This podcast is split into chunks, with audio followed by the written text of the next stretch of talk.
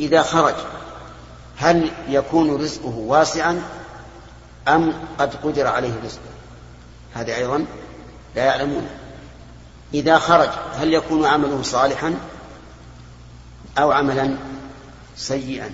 هذا أيضا لا يعلمونه فمتعلقات آه، العلم في بما في بما في الأرحام ليست خاصة بالذكور والأنوثة وهذه كلها لا يعلمها إلا الله.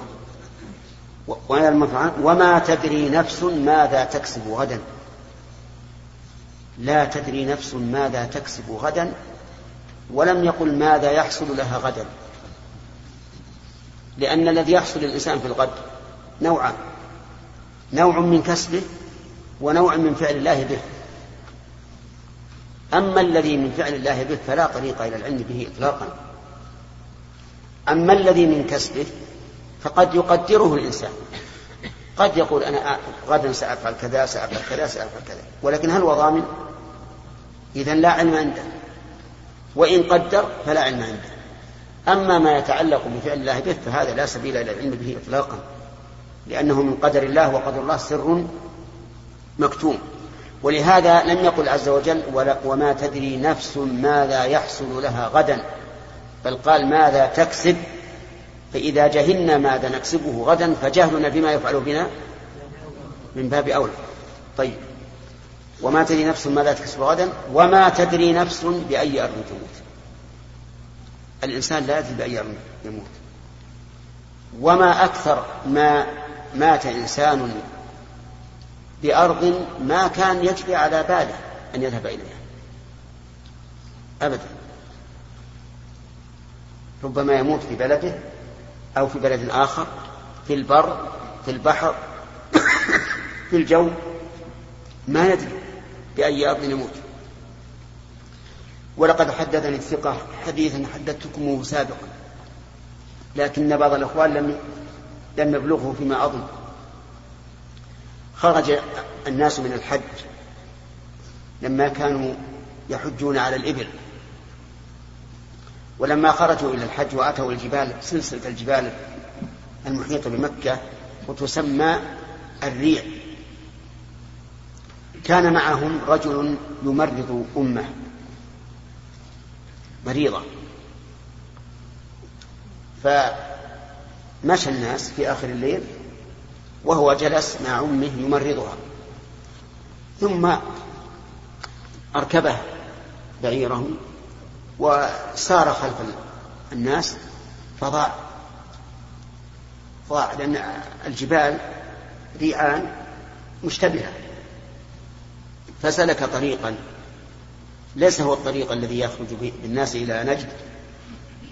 ولما ارتفع, لما ارتفع النهار لم يجد صحبه فوجد خباء في إحدى الأودية فذهب إليه. وسألهم أين طريق نجد؟ قالوا أين أنت من طريق نجد؟ لكن الآن اجلس ريح بعيرك وتريح عنك. يقول فلما أناخ البعير ونزل أمه من حين ما وطئت ما, ما أضجعها على الأرض قبض الله روحها. سبحان الله. هي من أهل الميزة. وحجت. وجاءت إلى هذه الأرض التي لولا أنه ضاع ما وصل إليها. لكن الله تعالى قد قدر أن أن تموت في هذه الأرض. طيب وإذا كان الإنسان لا يدري بأي أرض يموت فهل يدري بأي وقت يموت؟ ها؟ لا لا يدري. من باب أولى. لأنه إذا كان لا يدري بأي أرض يموت مع أنه يملك أن يذهب إلى المكان الفلاني والمكان الفلاني فعدم علمه بأي وقت يموت من باب من باب أولى. وهذا أيضا ظاهر.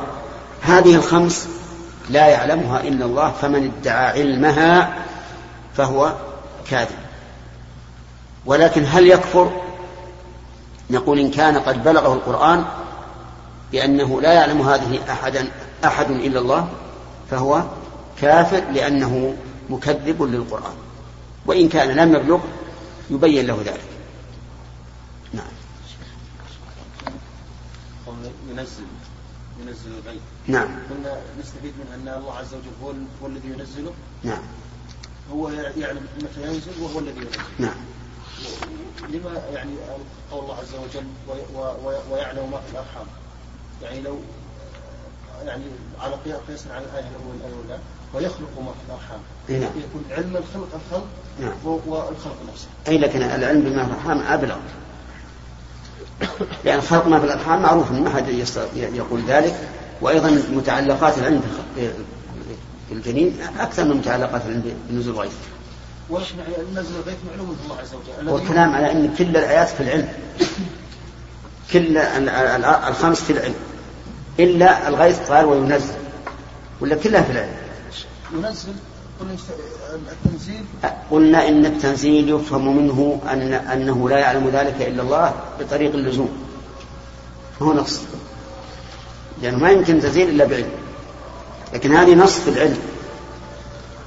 والحكمة ما أشرنا إليه نعم.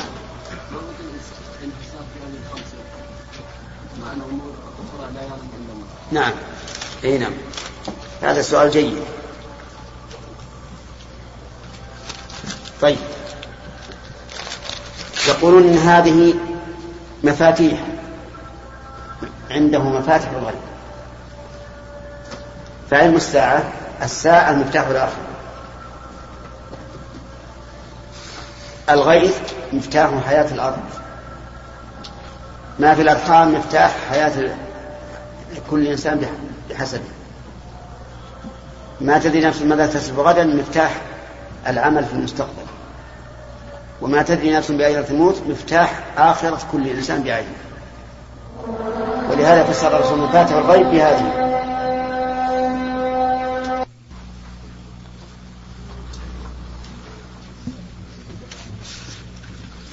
يحكى أن معاوية أتي بلصوص فقطعهم حتى بقي واحد منهم فقد فقدم ليقطع فقال يميني أمير المؤمنين أعيدها بعفوك أن تلقى نكالا يبينها. يدي كانت الحسناء لو تم سترها؟ ولا تق ولا تعدم الحسناء ولا تعدم الحسناء عيبا يشينها؟ فلا خير في الدنيا. و, و وكانت خبيثة. كذا. كذا. ولا وكانت إذا ما شمال فأرقتها يمينه. فقال معاوية كيف أصنع بك وقد قطعت أصحابك؟ فقالت ام السائلة اجعلها من جملة ذنوبك. اجعلها من جملة ذنوبك التي تتوب إلى الله منها. فخلى سبيله فكان أول حد ترك في الإسلام. هذا بارك الله فيك ليس بصحيح. هذا ليس بصحيح. واعلم أن معاوية وغيره من من الخلفاء لفقت عليه الرافضة أشياء كثيرة. فمتى رأيت أحد من بني أمية ذكر عنه مساوي يعني غير لائقة بمقامه فاعلم أن هذا من دسائس الرافضة أو غيرهم ممن يكرهون هؤلاء. وهذا لا يصح من معاوية.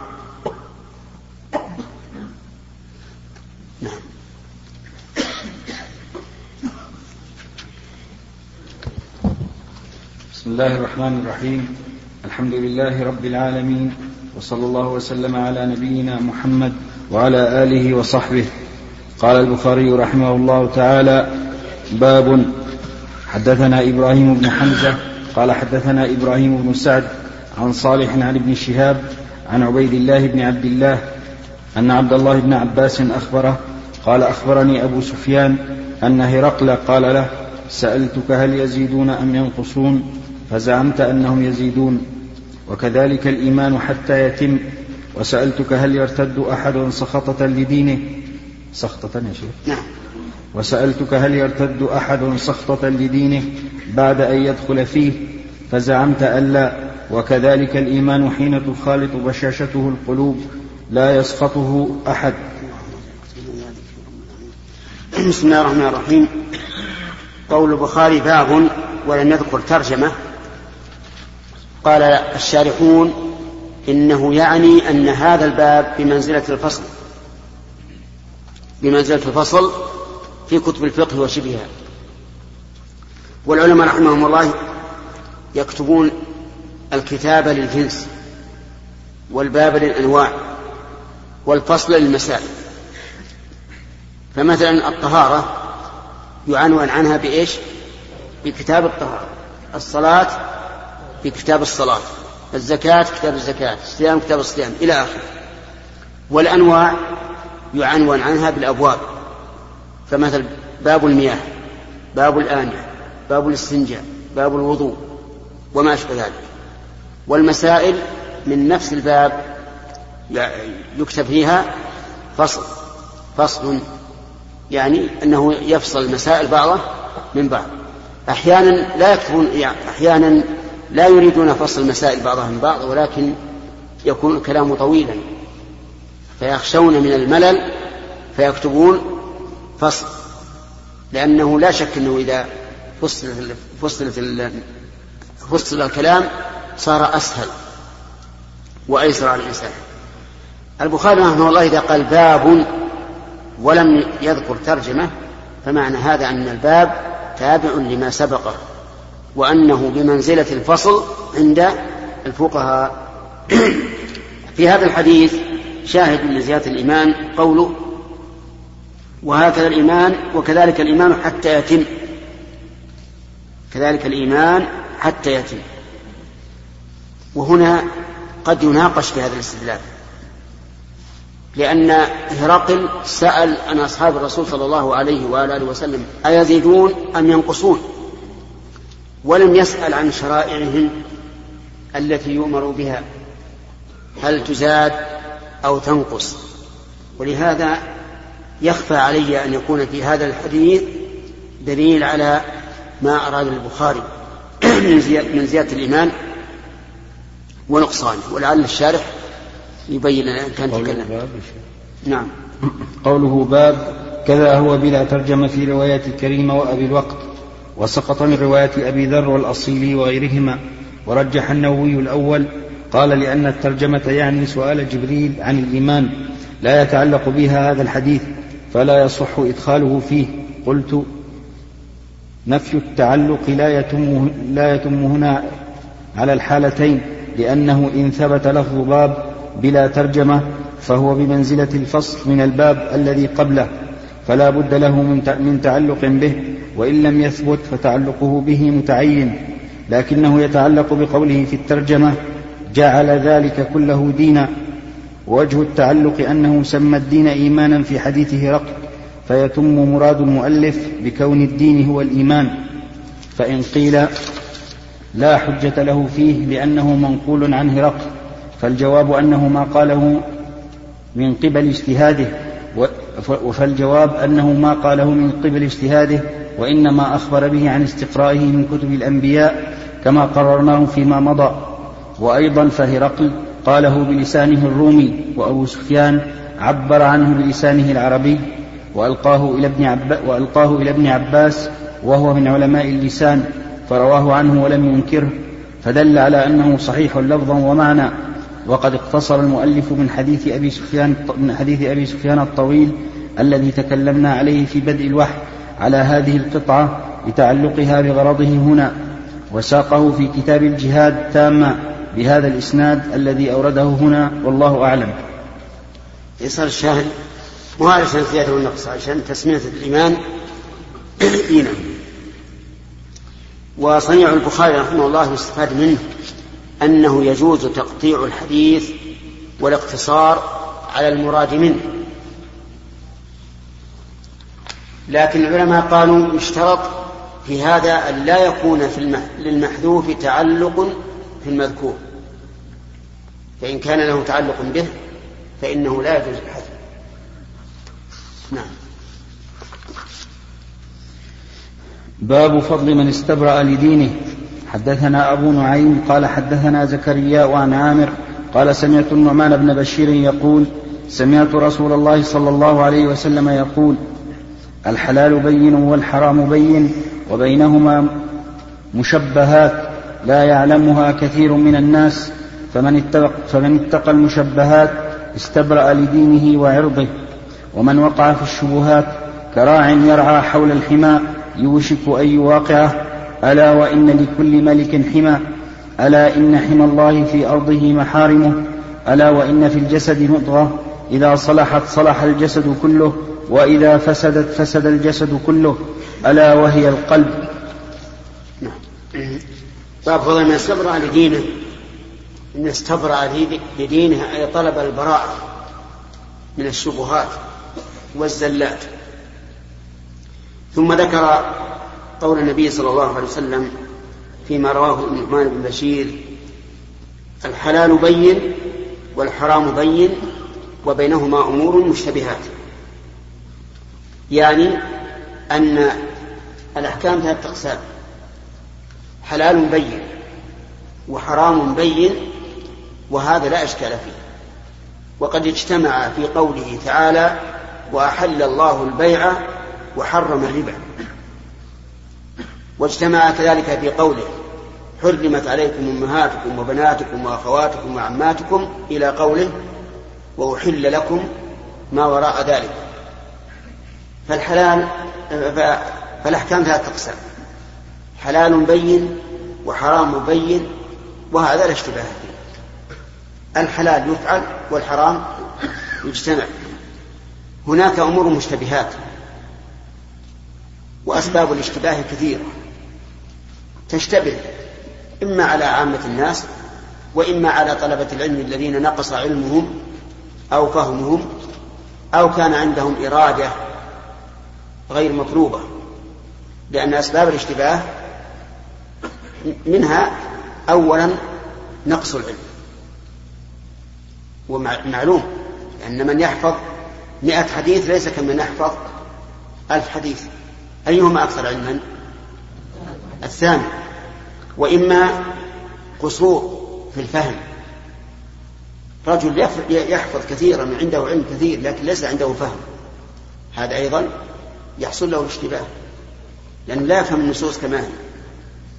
والثالث سوء إرادة بحيث يحمل النصوص على معتقده. وهذا هو الذي يقول بالقرآن برأيه أو بالسنة برأيه. يريد أن يحمل النصوص على معتقده فتجده إذا جاء النص مخالفا لمعتقده يلوي عنقه. وربما إذا أبى إذا أبى النص أن يلتوي عنقه كسره. نعم أو ذبحه. فهذا أسباب الاشتباه.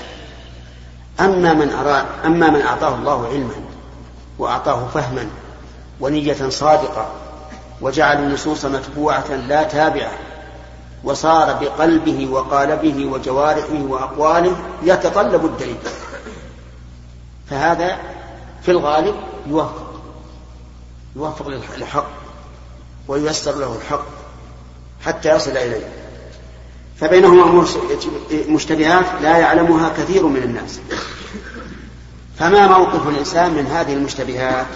بينه الرسول عليه الصلاة والسلام قال فمن اتقى الشبهات استبرأ لدينه وعرضه. لدينه من قبل الله وعرضه من قبل الناس. ولهذا تجد الإنسان الذي الذي يستمرئ المتشابهات يعير. فيقال فلان يأكل المتشابه. فلان يأكل المتشابه. يرحمك الله. لهذا من أراد أن يستبرئ لدينه وعرضه فليتقي الشبهات لكن ما لم يمكن أن يصل إلى العلم. فإن أمكن فهذا هو الواجب لقوله تعالى فاسألوا أهل الذكر إن كنتم لا تعلمون. فهذه المشتبهات التي لا يعلمها كثير من الناس إذا أمكن الإنسان أن يصل إلى العلم فيها فهذا هو الواجب. لكن قد لا يتيسر له ذلك. فهنا نقول تجنب. اسلك طريق السلامة كان الإمام أحمد رحمه الله لا يعدل بالسلامة شيئا. وأضرب مثلا برجل قال هل أتكلم في كذا أو أسكت؟ فالغالب أن السلامة السكوت. الغالب أن السلامة السكوت. فهكذا أيضا الإقدام على المشتبهات. الغالب أن السلامة هو تجنب هذا ثم ضرب النبي صلى الله عليه وآله وسلم لمن وقع في الشبهات بقوله ومن وقع في الشبهات كراع يرعى حول الحمى يوشك أن يواقعه. الحمى جرت عادة الملوك أو الرؤساء أو الوجهاء أو ما أشبه ذلك أن يحموا لهم قطعة من الأرض. حتى لا يرعاها الناس. فتبقى وافرة لرعي بهائمها هذه القطعة المحمية تكون في الغالب خضراء تهتز أحسن من مما حولها مما يرعى. فإذا جاء الراعي بغنمه حول هذا الحمى ورأت ورأته البهائم ماذا تصنع؟ عجيب تنطلق إليه. تنطلق إليه.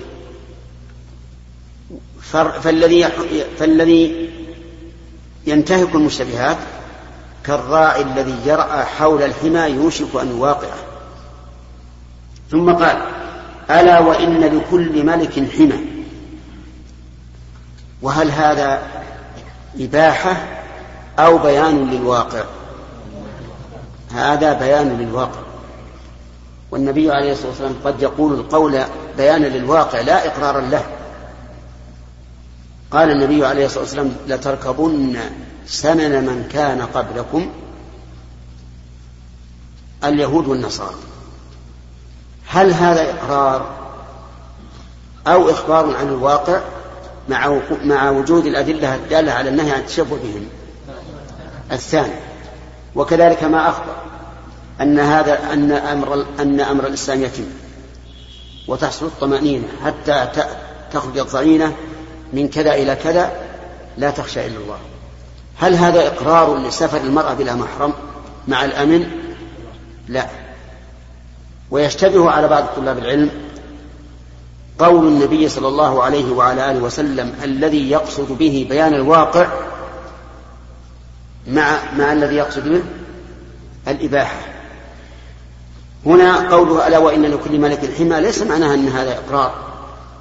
بل هو إخبار عن الواقع لأنها جرت عادة الملوك أن يحموا لمواشيهم وخيلهم وإبلهم آه، ما يحمون. لكن ذكر الفقهاء رحمهم الله أنه يجوز لولي الأمر أن يحمي لمواشي بيت المال ودواب المسلمين بشرط أن لا يضر المسلمين شرط أن لا يضرهم. بأن يكون حماه بعيدا عن مراعي البلد مثلا. لأنه لو حمى حول البلد لا, لا كان يضيق على الناس مراعيهم. فقالوا للإمام حمى مرعا لدواب المسلمين ما لم إيش؟ ما لم يضرهم. طيب. ألا وإن ألا وإن ألا إن حمى الله في أرضه محارمه. المحارم حماه الله. ألا ألا ينتهكها الناس. لكن مع ذلك هذه المحارم يزينها الشيطان. يزينها للنفس. كما يزدان حمى الملك للمواشي الرائعة حوله. فتجد الشيطان يزين الإنسان أشياء محرمة ينتهكها مع أنه عند التفكير يرى أنه مخطئ. لكن الشيطان يزينها في قلبه. وهذه وهذا داء عظيم. أفمن زين له سوء عمله فراه حسنا فإن الله يضل من يشاء ويهدي من يشاء فلا تذهب نفسك عليهم حسرات فقد يزين الإنسان أحيانا بما هو ضرر عليه في دينه ودنياه. الشيطان يصور الأشياء التي هي محارم الله بأشياء مباحة طيبة ويهون على الإنسان انتهاكها ويقول سهلا. افعل وتب. وباب التوبة مفتوح. أو أنت لا. شوف لغيرك يفعل كذا وكذا. أنت إذا أخذت رشوة مثل ريال مثلا. شوف غيرك يأخذ ألف ريال. ويأخذ مثل هذا المرة يأخذ مرة ثانية. ألف ريال. شوف غيرك أخذ ألفين ريال. ويتدرج به. حتى يوقعه في الهلاك نسأل الله العافية. ألا وإن في الجسد مضغة. إذا صلحت صلح الجسد كله وإذا فسدت فسد الجسد كله ألا وهي القلب. المضغة هي بقدر ما ينبغه الإنسان من اللحم. وهي صغيرة. هذه المضغة يقول إذا صلحت صلح الجسد كله. وإذا فسدت فسد الجسد كله ألا وهي القلب. وهذا يدل دلالة واضحة على أن القلب هو المدبر للجسد ولا إشكال في ذلك. ثم هذا القلب ما هو؟ قال الأطباء القلب المخ. القلب المخ لأنه هو المدبر. ولهذا إذا تعطل المخ فسد كل شيء.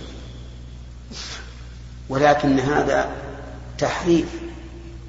وهذا من جملة ما قلنا أن الإنسان إذا كان له هوى حاول أن يلوي آناق النصوص. نقول سبحان الله كيف يكون القلب؟ هو المخ. وقد قال الله تعالى فإنها لا تعمى الأبصار ولكن تعمى القلوب التي في الرؤوس.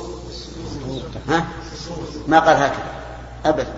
ولكن تعمى القلوب التي في الصدور. أفلم يسيروا في الأرض فتكون لهم قلوب يعقلون بها. نفس الآية. فإنها لا تعمى الأبصار ولكن تعمى القلوب التي في الصدور. والكلام هذا صادر من من؟ من الخالق. من الخالق الذي خلق القلوب وعلم ما ما ما يحصل منها. وخلق الأجساد. وعلم وعلم أنها تنقاد انقيادا تاما للقلب. وقد شبه أبو هريرة رضي الله عنه القلب بملك مطاع. والملك المطاع يأمر ويعتبر الناس له. لكن قال شيخ الإسلام إن قول الرسول عليه الصلاة والسلام إذا صلح صلح الجسد كله وإذا فسدت فسد الجسد كله أبلغ من أن نشبه ذلك بالملك المطاع لأن الملك المطاع قد يطاع أحيانا وقد يعصى أحيانا. أما القلب مع الجوارح فهو لازم لزوما لا بد منه. إذا صلحت صلح الجسد كله وإذا فسدت فسد الجسد كله. وهذا الحديث فيه رد على طائفة من الناس. تنهاهم عن المنكر الظاهر كحلق اللحية وشرب الدخان وإسبال الثوب وما أشبه ذلك. ثم يقول لك التقوى ها هنا. حتى يضرب صدري يكاد يخرقه من شدة الضرب التقوى ها هنا. طيب التقوى ها هنا. لو, لو اتقى ما ها هنا. نعم. لاتقى ما ها هنا. اتقت الظواهر. لو اتقى القلب لاتقت الظواهر. لأن الرسول عليه الصلاة والسلام يقول إذا صلحت صلح الجسد كله وإذا فسدت فسد الجسد كله. فإذا رأيت إنسانا يقول التقوى ها هنا. ويضرب صدره بقوة يكاد يخلقه يقول يا أخي لا لا تخلق صدرك كلامك هذا خطأ. لو صلح ما ها هنا لصلحت الجوارح. لأن الرسول صلى الله عليه وسلم يقول إذا صلحت صلح الجسد كله وإذا فسدت فسد الجسد كله. نعم. الحاصل من هذا الحديث حديث عظيم وهو من أحاديث الأربعين النووية. وقد شرح الأربعين النووية الحافظ ابن رجب رحمه الله. وشرحه من من أب يعني من أوسع ما رأيته على شرح الأربعين النووية. وهذه الأربعين النووية أيضا فيها خير وبركة. يحفظها الصبي الصغير لأنها سهلة. وإذا حفظها نقشت في قلبه واستفاد منها بعد, بعد الكبر. وفي هذا الحديث حسن بيان الرسول عليه الصلاة والسلام وتقسيماته وأنها تقسيمات حاصرة واضحة جلية. نعم. الشيخ عرفنا بأن بأن قول على واحد لكل أن المقصود به ليس الإقرار وإنما بيان الواقع نعم. هذا نعم حاصل. ولكن هل يجوز يا شيخ إذا حمل الملك حمى أن يرعى الناس في ذلك أو أو تجب طاعته فلا فينتهون عند إذا كان النبي صلى الله عليه وعلى آله وسلم أمرنا أن نصبر على ما يأخذ من أموالنا فكيف لا نصبر على ما على كفه إيانا عن شيء من, من فعل الله عز وجل؟ فيجب علينا أن لا ننابه نعم. يقول أن المباح يقول أن ولا إن؟ إن المباح نعم. إيش؟ المباح المشتبهات نعم. كيف يكون ربما يشتبه على بعض الناس إلا هذا الشيء. أليس الدخان أول ما خرج؟ اشتبه على الناس. بعض العلماء قال حلال وبعضهم قال حرام وبعضهم قال مكروه وبعضهم قال واجب. نعم. أي نعم أنا رأيته يقول واجب كيف؟ قال ربما يكون الإنسان دايخ. ممن اعتاد الدخان ودايخ مرة ولا يقدر يصلي أبدا إلا بعد أن يشرب سجارة. قال هذا يجب عليه يشرب سجارة عشان يصلي يصلي صلاة يطمئن فيها. لكن على كل حال هذا أنا أذكره على سبيل النكتة يعني بعض العلماء رحمهم الله إذا ظهر الشيء أول ما يظهر لا بد من خلاف. وصاحب آية المنتهى. في الجامع بين الأقناع والمنتهى الشيخ مرعي من من متأخر الإمام أصحاب الإمام أحمد يقول في غايته ويتجه حل شرب قهوة ودخان. يتجه يعني على مذهب الحنابلة. حل شرب إيش؟ قهوة ودخان. والأولى لكل ذي مروءة تركهما. نعم. فجعل الدخان مع مع القهوة ثم قال الأولى لصاحب المروءة أن يدعه. لكن الآن استقر عندنا ولا عندنا في إشكال أن الدخان حرام. لما يترتب عليه من أضرار بدنية ومالية واجتماعية ودينية. ليس هذا موضع بسط فالمهم أقول إن إن الحلال قد يشتبه على بعض الناس. الآن إسبال الثوب إلى إلى أنزل من الكعب اشتبه على بعض الناس. بعض الناس العلماء مو العوام قال لا يحرم تنزيل الثوب عن عن الكعب إلا إذا كان له خيلاء فقيد هذا الحديث بهذا الحديث وإن كان غير صحيح. لأن التقييد لابد أن يتطابق المقيد والمقيد. أما إذا اختلف فلا يصح التقييد. فالمهم يا أخي ان العلماء قد ان اشتباه الحلال قد يشتبه.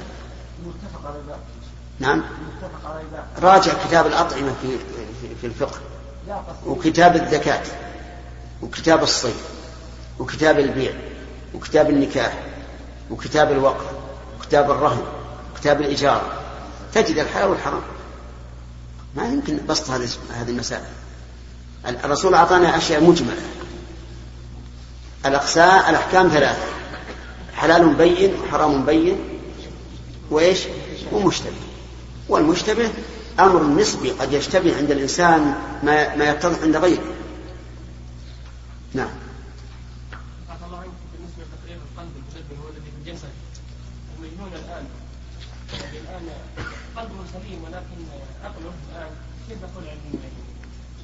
قلبه سليم حسا وليس سليما معنى. ليس سليما. ثم لاحظوا أن المشكلة الآن أنه ثبت أن الدماغ إذا اختل بطل تصرف الإنسان لا شك في هذا. ولا لا؟ لكن الإمام أحمد عنه كلمة قال العقل في القلب وله اتصال في الدماغ. وبعضهم شبه العقل آه، القلب والدماغ بالماطور واللمح.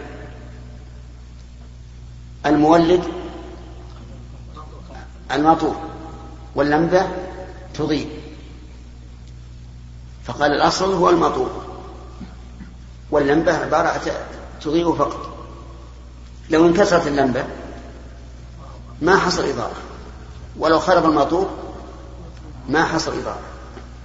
لكن الأصل هو الماطور وبعضهم قال آه، الدماغ سكرتير والقلب ملك. السكرتير هذا يصفي الأوراق وزينه ورتبه ثم يرسلها للملك. الملك عاد إما أن يأمر وينفذ. سكتين نفذ وإما أن يمنع. ولهذا يكون التصور قبل الحكم. التصور قبل الحكم. فالعقل الدماغ يصور الأشياء ورتبها. ويرسلها للملك. عن طريق إيش؟ من؟ عن طريق إيش؟ عن طريق عروق. ما ندري كيف كيفية ذلك. ما ندري وش كيفيته كيف يصل إلى القلب. ثم القلب إما أن يحكم وينفذ وإما أن يمنع. والمهم المهم نحن مؤمنين. نحن المؤمنين بالله ورسوله. المهم أن ما جاء في القرآن صريحا لا نقبل فيه قول أحد أبدا.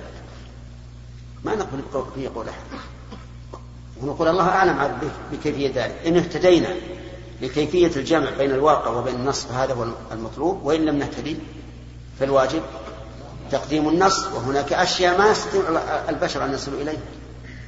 الآن في أمراض أمراض لا يستطيع الناس أن يصلوا إليها ولا إلى أسبابها ولا إلى دوائها. مع أنها أمراض طارئة على الجسم.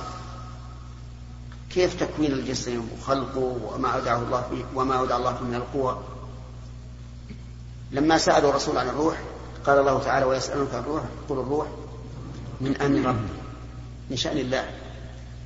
ثم قال وما أوتيتم من العلم إلا قليلا. يوبخهم. هذا توبيخ. يقول ما بقى عليكم من العلم إلا أن تعرفوا الروح. وش الجواب؟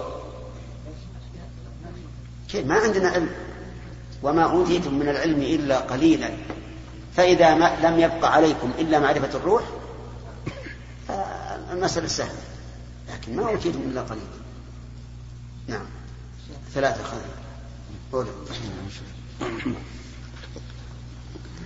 باب أداء الخمس من الإيمان. حدثنا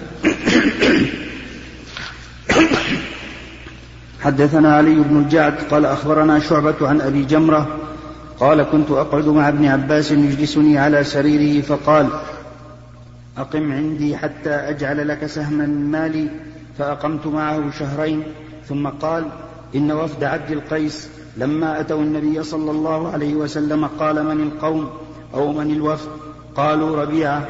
قال مرحبا بالقوم أو بالوفد غير خزايا ولا ندامة. فقالوا يا رسول الله إنا لا نستطيع أن نأتيك إلا في الشهر الحرام وبيننا وبينك هذا الحي من كفار مضر فمرنا بأمر فصل نخبر به من وراءنا وندخل به الجنة وسألوه عن الأشربة. فأمرهم بأربع ونهاهم عن أربع. أمرهم بالإيمان بالله وحده. قال أتدرون ما الإيمان بالله وحده؟ قالوا الله ورسوله أعلم.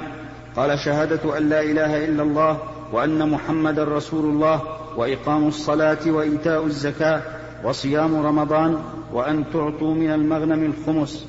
ونهاهم عن أربع عن الحنتم والدباء والنقير والمزفت وربما قال المقير وقال احفظوهن وأخبروا بهن من وراءكم. في هذا الحديث فوائد أولا أن أداء الخمس من الإيمان. وما هو أداء الخمس؟ أداء الخمس يعني في الغنائم وقد مر علينا في كلام شيخ الإسلام في السياسة الشرعية وغيره وفيه أيضا تكريم طالب العلم من أستاذه إذا كان أهلا لذلك. لأن ابن عباس أجلس من؟ أبا جمرة. أجلسه على سريره وطلب منه أن يبقى عنده لأنه كأنه رأى فيه نباحة ووعاء للعلم. وفيه أنه لا حرج على الأستاذ أن يمثل بعض البارزين من الطلبة لا ليكسر خواطر الآخرين ولكن ليشجعهم على أن يكونوا مثله. فإن خاف أن يكون في ذلك كسر لقلوب الآخرين فهنا درء المفاسد أولى من جلب المصالح. وفيه أيضا أنه لا ينبغي لمن فضل عليه أحد النابغين لا ينبغي له أن يكون في قلبه شيء على هذا المفضل أو على من فضله بل يقول فضل الله يؤتيه من يشاء. ويحرص هو على أن يرتقي إلى درجة هذا حتى يكون مثله. وفيه أيضا حسن تلقي النبي صلى الله عليه وعلى آله وسلم بالوفود.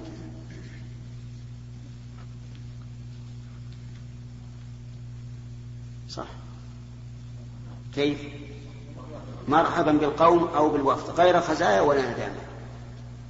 وفيه أيضا سؤال الإنسان عن الوفد وعن الرجل أيضا إذا كان لا يعرفه لأنه قد يكون هذا الوفد له حق الإكرام والتعظيم والاحترام أو هذا الرجل أيضا له حق الإكرام.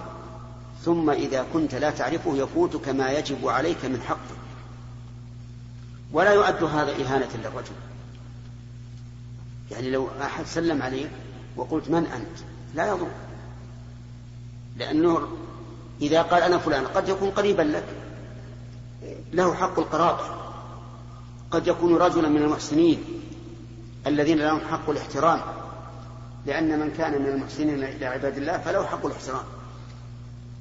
قد يكون من أسياد قومه وشرفاء من سادات قومه وأشرافه يحتاج إلى إكرامه وتأليفه.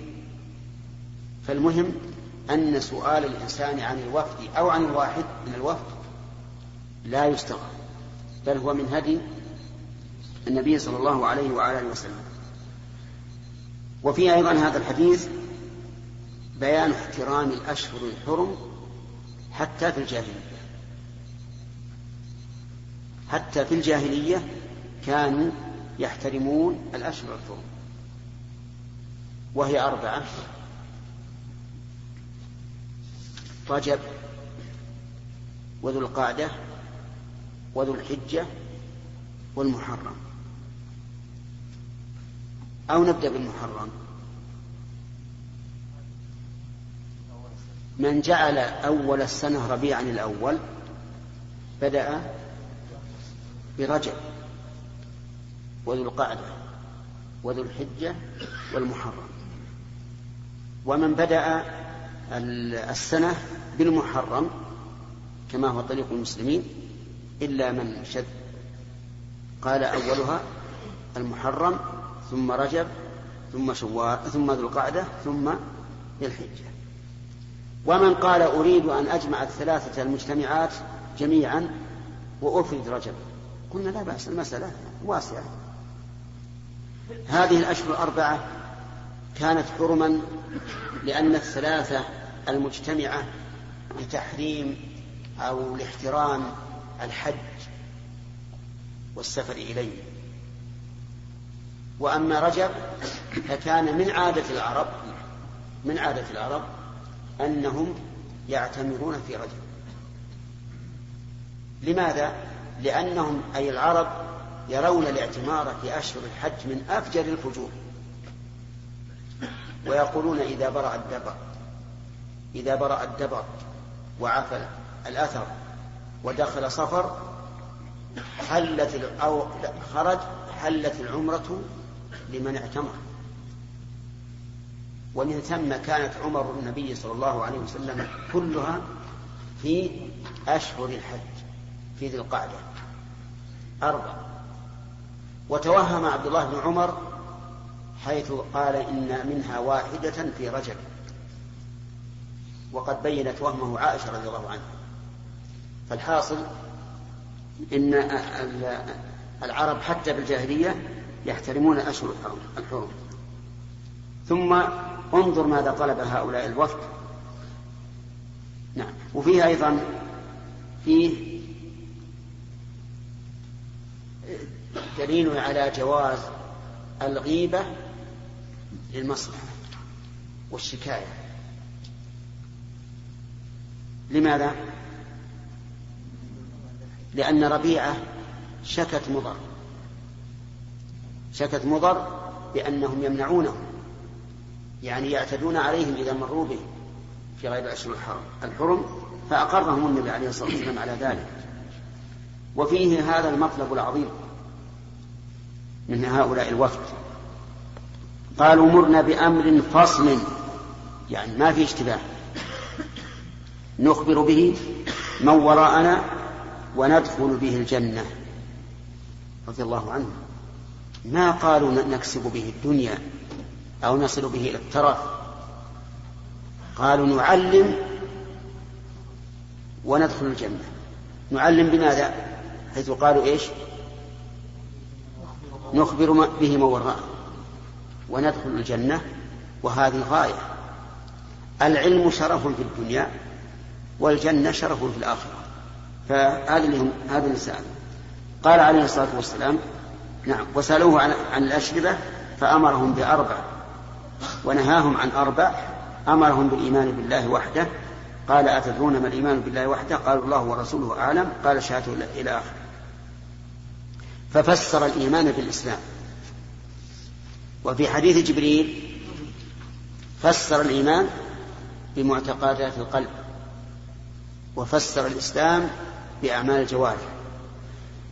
وفي قوله الله ورسوله أعلم. دليل على جواز قرن الرسول عليه الصلاة والسلام أو قرن علم الرسول بعلم الله بالواو. الله ورسوله ولم ولم ينههم النبي صلى الله عليه وعلى آله وسلم. من فضلك اقلب مع الشريط أنه قال للذي ما قال له ما شاء الله وشئت.